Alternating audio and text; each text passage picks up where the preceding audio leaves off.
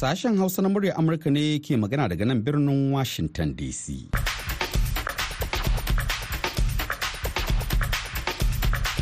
Masu raro barkanmu da sake haɗuwa a daidai wannan lokacin da fatan mun same ku lafiya.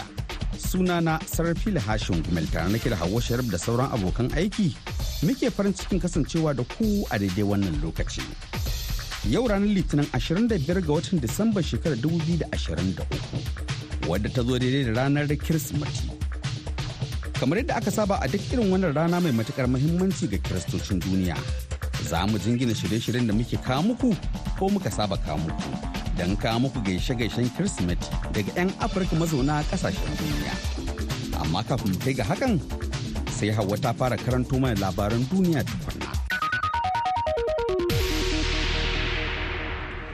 Jama'a Assalamu alaikum barkanmu da warhaka ga labaran duniyar mai karantawa Hauwa Sharif. A yayin wani babban taron addu'a na jiya jajibirin Kirsimeti a fadar Vatican ta St. Peter's Basilica, Papa Roma Francis ya bayyana cewa an yi wa saƙon annabi Isa alaihi salam na zaman lafiya karan tsaye a ƙasar haihuwarsa. A daren yau zuciyarmu ta kasance a Bethlehem, inda aka sake nuna ƙiyayya ga yariman zaman lafiya ta mummunan ƙudurin yaƙi a gumurzun makamai da ake yi da a yau ya hana shi samun matsuguni a duniya cewar Papa Roma Francis a daidai lokacin da adadin mutanen da ke rasa ran suke ƙara yawa a Gaza. a jiya lahadi ne kuma shugaban isra'ila benjamin netanyahu ya yi gargaɗin cewa yaƙin da ƙarshe shi ke yi da gaza zai kasance mai tsawon gaske netanyahu ya ce yaƙin da yake yi zai kasance yaki na tsawon lokaci har sai ya ga bayan hamas ya kuma maido da tsaro a yankin a yayin da isra'ila ke ci gaba da barin wuta a gaza. Falastina sama da 166 ne aka kashe a cikin sa'o'i 24 da suka wuce abin da ya kai adadin falasinawa da suka rasa ransu zuwa 20,424 cewar ma'aikatar lafiya ta gaza da hamas ke kula da ita. Gwamnatin indonesia ta shaidawa gidan rediyon murya amurka cewa tana gudanar da bincike kan wata mummunar fashewa a wani kamfani mallakar china da jijjifin jiya lahadi da ya kashe 'yan ƙasar ta indonesia takwas da ma'aikata biyar 'yan ƙasar china da wasu mutane akalla 46 da suka samu raunuka. Ma'aikatar albarkatun ruwa da zuba jari ta ƙasar ce ta nemi a gudanar da sahihin bincike a kan fashewar da ta afku a ma'aikatar karafa ta shingshan da ke indonesia wadda ke da alaka da ma'aikatar pt morowali ko ptimip da ke tsibirin sulawesi mataimaki mai kula da ma'aikatar albarkatun ruwa da zuba jari septian hario seto ya shaidawa murya amurka cewa wani ayari daga ma'aikatar zai yi tattaki har zuwa gurin da lamarin ya faru domin tabbatar da dukkan ɓangarorin da ke sa ido akan hadarin na bisa kan turba. Kwamitin tsaro na majalisar ɗinkin duniya ya amince da wani ƙudurin afirka a hukumance wanda ƙasar ghana ta jagoranta da haɗin gwiwar ƙasashen gabon da mozambique da ke neman wajibta baya da tallafi da ba da kuɗaɗen gudanar da ayyukan zaman lafiya da tunkarar duk wata barazana ga zaman lafiya da tsaro a ƙasashen afirka. Daga ghana ga wakilinmu idris abdallah da ƙarin bayani.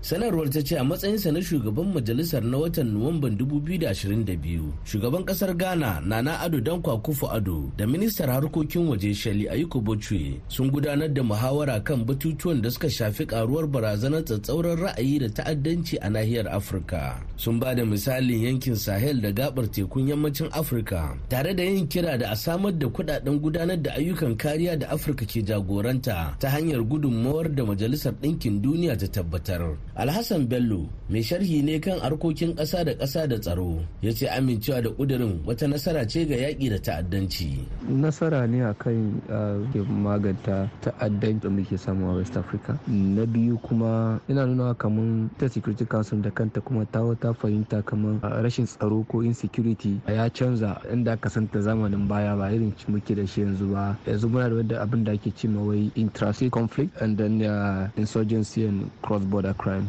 Na uku yana nuna kamar yanzu ita security council da kanta ta yadda kamar hanyar da aka bi na farko a nemi tsaro a maganta yawan gaba duka has not yielded result. Na farko da this um, deployment na kai a mali kowane gari ƙasashe dewa france german kowa ya kai sojoji a wajen duka. Ba dan idin work. To ana kamar so the best way ne ba wannan wanda ke wannan matsalan da sai fi san da za su maganta wannan babi a ƙarƙashin wannan kudirin dukkan ayyukan zaman lafiya da ke ƙarƙashin jagorancin ƙungiyar tarayyar afirka wato au da kwamitin tsaro na majalisar ɗinkin duniya ya amince da su.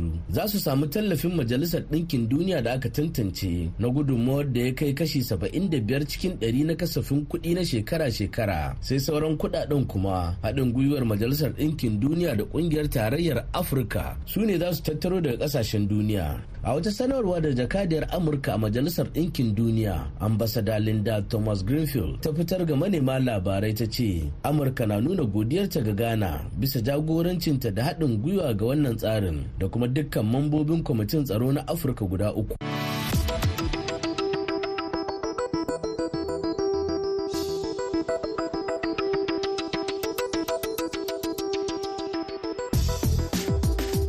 Labaran duniya kenan aka saurara daga nan sashen hausa na murya amurka a birnin washington dc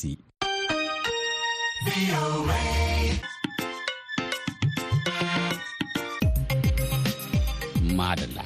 Da fatan dukkan kiristoci a faɗin duniya na shirin yin bukukuwan bikin kirsimati lami lafiya.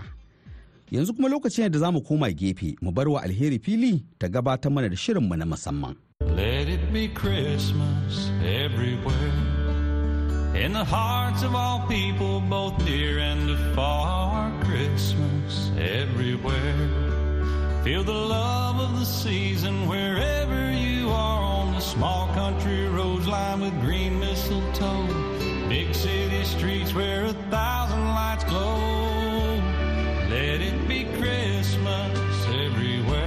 Masu saurari Assalamu alaikum bar kamu da asuba muna kuma yi wa al'ummar Krista a duk faɗin duniya barka da Kirsimeti da fatar an ga wannan ranar Kirsimeti ta shekara ta 2023 lami lafiya. Alheri Grace Abdu ke farin cikin gabatar da shirin da ke ba 'yan uwa mazauna Amurka da kuma waɗansu ƙasashen duniya maza da mata damar sada zumunci a wannan rana. Christmas, Christmas. Allah sa duka mu yi Christmas lafiya. na fatan cewa za a yi Christmas lafiya. Ina aika saƙon gaisuwa na Christmas ga 'yan uwa. Merry Christmas and Happy New Year. Salamu alaikum a cikin sunan Yesu. Ni ce Lami kakaka daga Maryland, Amurka.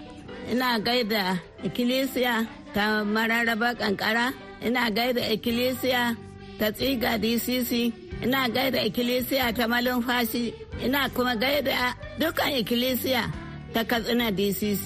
Da dukan ikkilisiya ina gaida sauran 'yan uwa da abokan arziki.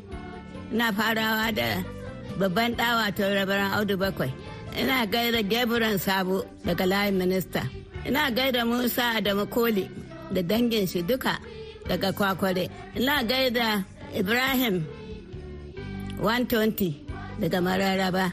Ina gaida bawa umaru daga mararaba.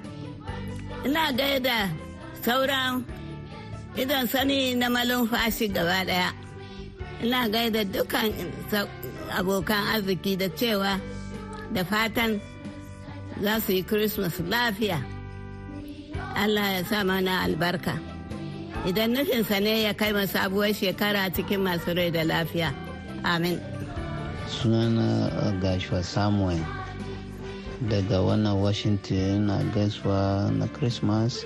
Ina gaishe dr chris yimuga da family sa dr ashikani dr uh, architect godwin ashikani the family sa jane pharmacy ashikani professor james tom thomas ashikani ina gaida cy ari ashikani a madadi family ina gaida abokina christopher limuga na christopher ishaleku. Ina gaida john bawala. Ina gaida barista emmanuel tomnosoko ina gaida comre ishepa ibrahim. Ina gaida mutanen abago duka. Ina gaida mutanen doma. Ina gaida mutanen robi gyana agwatashi agaza aloshi obi asakio giza kadurko bari kwara duk kyana allah kawo mana zama lafiya a garinmu nasarawa da alago su haɗin kai. Na gada juliana lasa wani yana japan. Na gada kemi na gada miss ogri ari. Na gada mike mike ogri ari. Mm, ode. Ina gada na gada mutane duka na gada gambo ari na gada john john domamaku da brother david da moses da osana shaliku da gasakyo ina gada mutane doma gaba ɗaya da su abokanina duka. Ina gada honorable albali adeka ina gada eh, honorable emma abari. Ina gada reverend father namu patrick agbo daga paris press na doma. Muna mika saƙon gaisuwar christmas zuwa ga mahaifina mr jeremiah likita ibisi da kaninsa uncle samuel da naomi ibisi. Na kuma gai da su kannena da iyalansa duka. Shi baban gidanmu ibisi da ozi ibisi. Maman gida kuma ana da haruna a tunkura. Na gai da jetro da mary ibisi mai electrical electronics na cikin garin jos. Na gai da shi honorable simon da christiana ibisi amarya da ango. Na gai da malam andrew da mary ibisi na cikin garin basa. Na gai da malama teresa da john manasse duk daga jos. Da fata kowa ya christmas lafiya. Muna kuma gai da abokan arziki da ke cikin garin abuja da jos. Muna gai da shi malam aliyu epoki da matarsa pastor toyin epoki. Na kuma gai da shi reverend ibrahim da ruth zakari. Muna gai da akitefemi da dr. Lami ofe duka daga cikin garin abuja. Muna kuma gai da su bb group.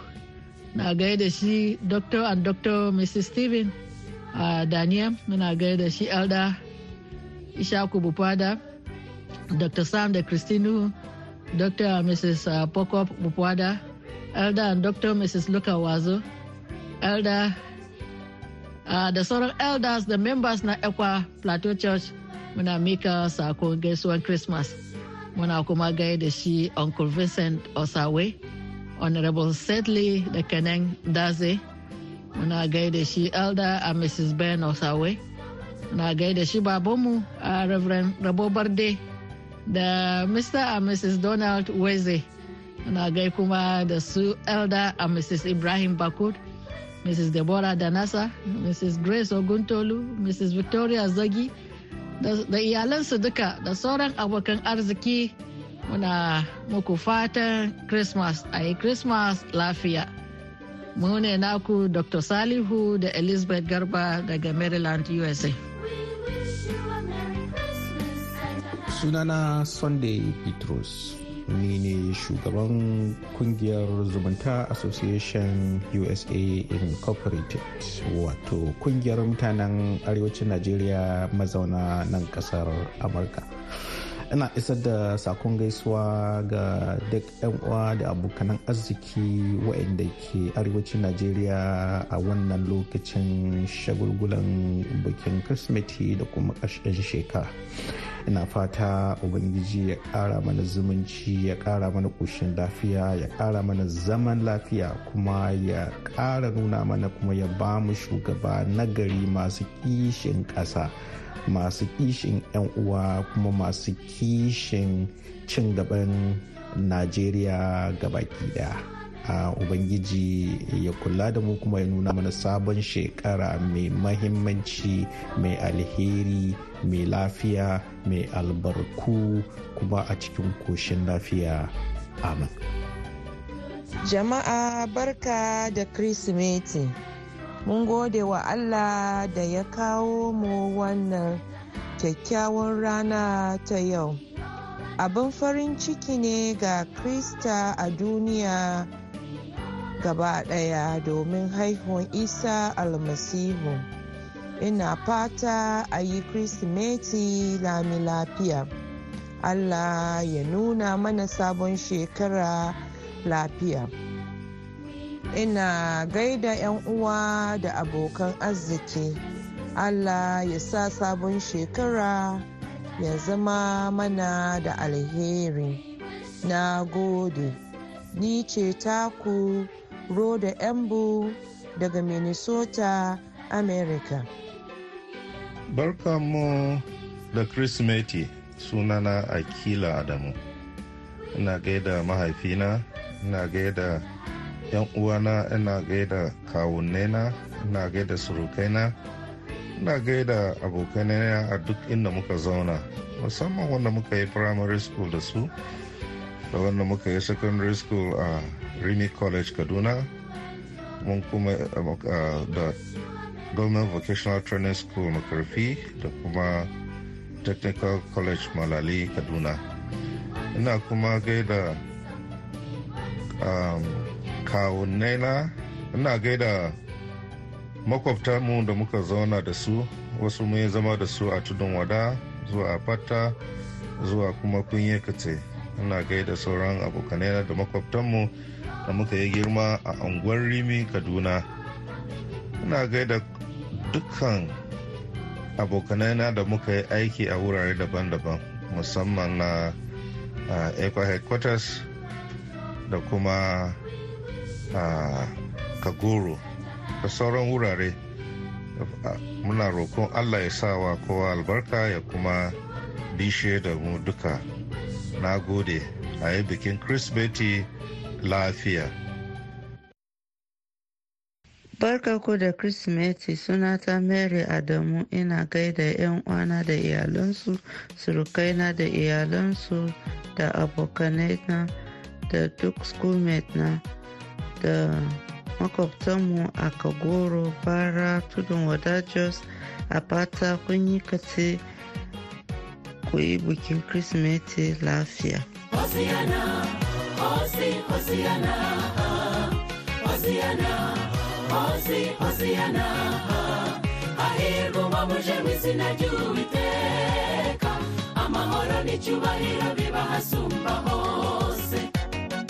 Hosiana, Hosi, Hosiana, Hosiana, Hosi, Hosiana, hahirwa umwamuje mu izina ry'Uwiteka, amahoro n'icyubahiro biba hasumba hose.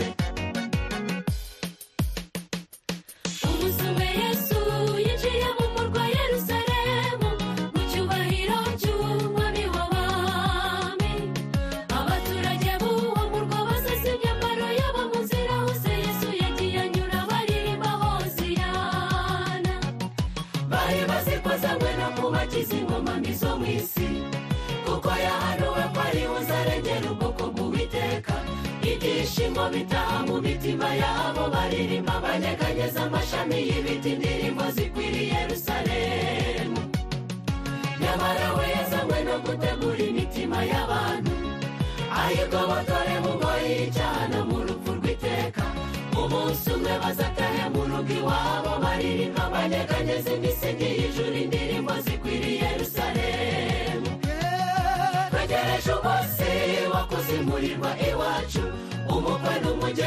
binjira mu cyubahiro haririmbwa indirimbo y'akataraboneka. Izaririmbwa n'abamarayika izaba ari indirimbo yo kwakira umukwe acyuye umugeni we. Uwo munsi tuzasezera ku isi y'ibyago icyaha n'urupfu bizaba bikuweho giteka. Turirimba n'ijwi rirenga ry'icyubahiro dufatanye n'abamarayika dusingiza umwami w'abami kandi nyir'ubutware bwose. Hosiana, Hosi, Hosiana, Hosiana, Hosi, Hosiana, hahirwa muje mu izina ry'Uwiteka, amahoro n'icyubahiro bibahasumba hose. Hosiana, Hosi, Hosiana, Hosiana, Hosi, Hosiana, hahirwa muje mu izina. Hasumba hose. 'yan uwa ƙaunatattuna mabiya yesu almasihu ina muku gaisuwa ta musamman cikin ƙauna da kuma taya ɗaukacin krista na duniya baki ɗaya. Murnar ganin wannan rana ta bikin tunawa da haihuwar yesu almasihu mai ceton duniya da kuma begen dukan masu bi. Addu'ata da kuma fata nasu ne ubangiji ya ƙara mana salama. Ɗaukaka da ci gaba baki ɗaya ya kuma nuna mana ta baɗin baɗaɗa cikin rai da ƙoshin lafiya. Amin. Barkanmu da kirsimati. Ni ne ɗan uwanku ambassador joshua ɗallami jitson shugaban cibiyar hausawa krista wato hausa christians foundation. Na gode. Assalamu alaikum barkanmu da warhaka. Ina mika saƙon gaisuwa ta na kirsimeti da 'yan uwa da abokan arziki da ke bauchi da zuljos kaduna malumfashi da abuja. Da fatan za a yi bikin kirsimeti lafiya. Ina makowa fatan alkhairi allah ya ba mu zaman lafiya da nasarar rayuwa a kasarmu ni ce matar haruna baraya wanda ake kira maman manu. Na gode. Fatan alheri zuwa ga 'yan uwa da membobi na ekwa church a nigeria. Ni ce grace da mai gidana reverend sunday bonhod. Muna tare da ecclesia a nan a america. Muna kawo gaisuwa na christmas da fatan alheri zuwa ga duka masu bi a kasarmu. Ko da shike muna cikin lokaci mai wuya a kasarmu. Duk da haka muna cewa ubangiji mun gode. Muna gaida shugabane na ekwa a headquarters da duka membobi na ekwa church. Muna kuma gaida shi mai martaba sarki kagoro. Baba ofuwa bonnet da uwar gidarsa tare da kuma majalisarsa duka. Muna kuma gaida sarki na kagoma da majalisarsa. Muna kuma ba da gaisuwa zuwa ga membobi na kagoro for christ christian fellowship. Muna kuma gaida 'yan uwanmu wayanda suke a kagoro da wayanda suke a kagoma da kuma a wayanda suke a port harcourt wato iyali na buamhot da kuma iyali na majam. Muna gaida shi baba gimba a fake muna kuma mika gaisuwanmu zuwa ga abokanenmu su steven gado da su dr bala da dr uh, atuk da sauran 'yan uwa da abokanai duka. Muna gode muku muna fatan allah zai taimake mu a gama christmas da kuma biki na sabon shekara lafiya. Salamu alaikum. Ni josh remote ne daga washington dc na isa da gaisuwa na bukin christmas ga mamana esther da ɗawata taunan da su abokanena dr zaka ayuba mai kaisuwa a university ta jos. Haka nan ma da abokina dr dakum can abuja da shi reverend uh, bernard kensi na jos da duk abokanena da suke na a cikin jos na masu gaisuwan christmas a yi bukin christmas lafiya da su yawanina a planan da solomon david polycarp da panbis dukansu da iyalinsu allah albarkashe ku a lokacin christmas ɗin nan da duk jama'an kasanmu na nigeria bari a gama shi lafiya allah kuma ya albashe ka albashe ku lafiya. Sunana wala dani zatayar ina kawo gaisuwa daga nan arizona a ƙasar amurka.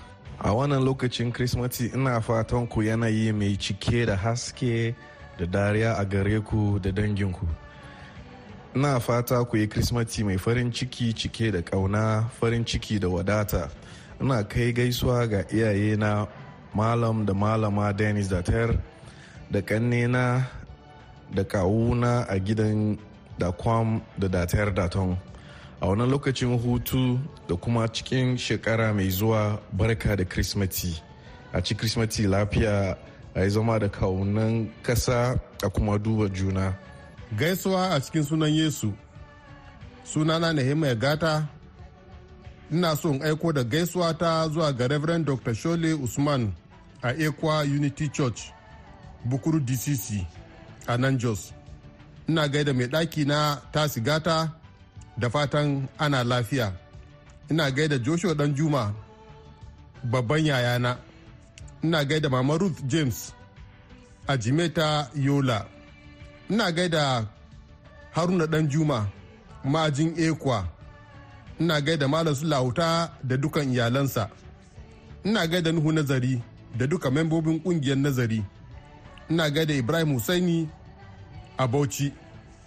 Ina gaida reverend likita mantau a katsina dcc da dukan fasocin katsina dcc da fatan an yi christmas lafiya. Ubangiji allah ya maimaita mana. Amin.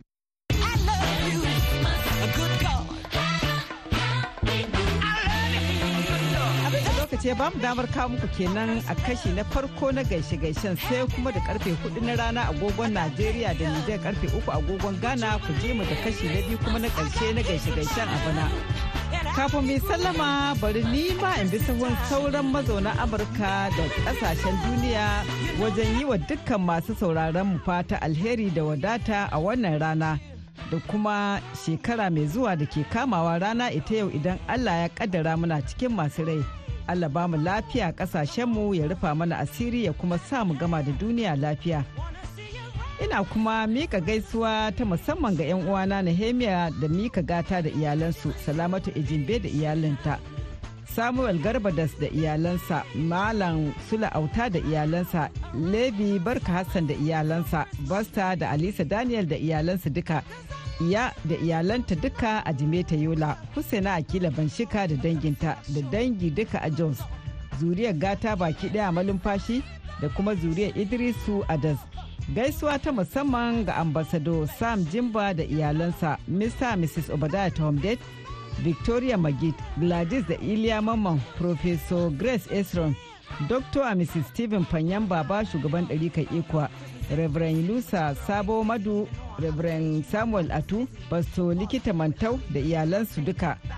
Zuriyar uwar 'ya'ya a gidan dan birnin malumfashi an samci yiljab abraham james manok bazata international ladi big john honorable sunday abdu dr david da christy shwe ishaya da laraba kure reverend da professor fumi fara malum reverend dr and dr mrs bakar ibrahim Reverend Dr. da Mrs. Barje Mai Gadi, Reverend Dr. da Mrs. Samuel Kunhiyop da iyalansu duka da kuma dukan 'yan uwa da abokan arziki da lokaci ba zai ba mu damar ambata da ɗaiɗai ba. Da fatar an yi Kirsimeti lafiya. Allah shi maimaita mana ya kuma nuna mana ta baɗin baɗin baɗaɗa. Yanzu a madadin dukan waɗanda kuka ji muryoyinsu alheri ke cewa bari salama Isa almasihu da zumunta ruhu mai tsarki su kasance tare da mu daga yanzu da har abadin abada. Shalom.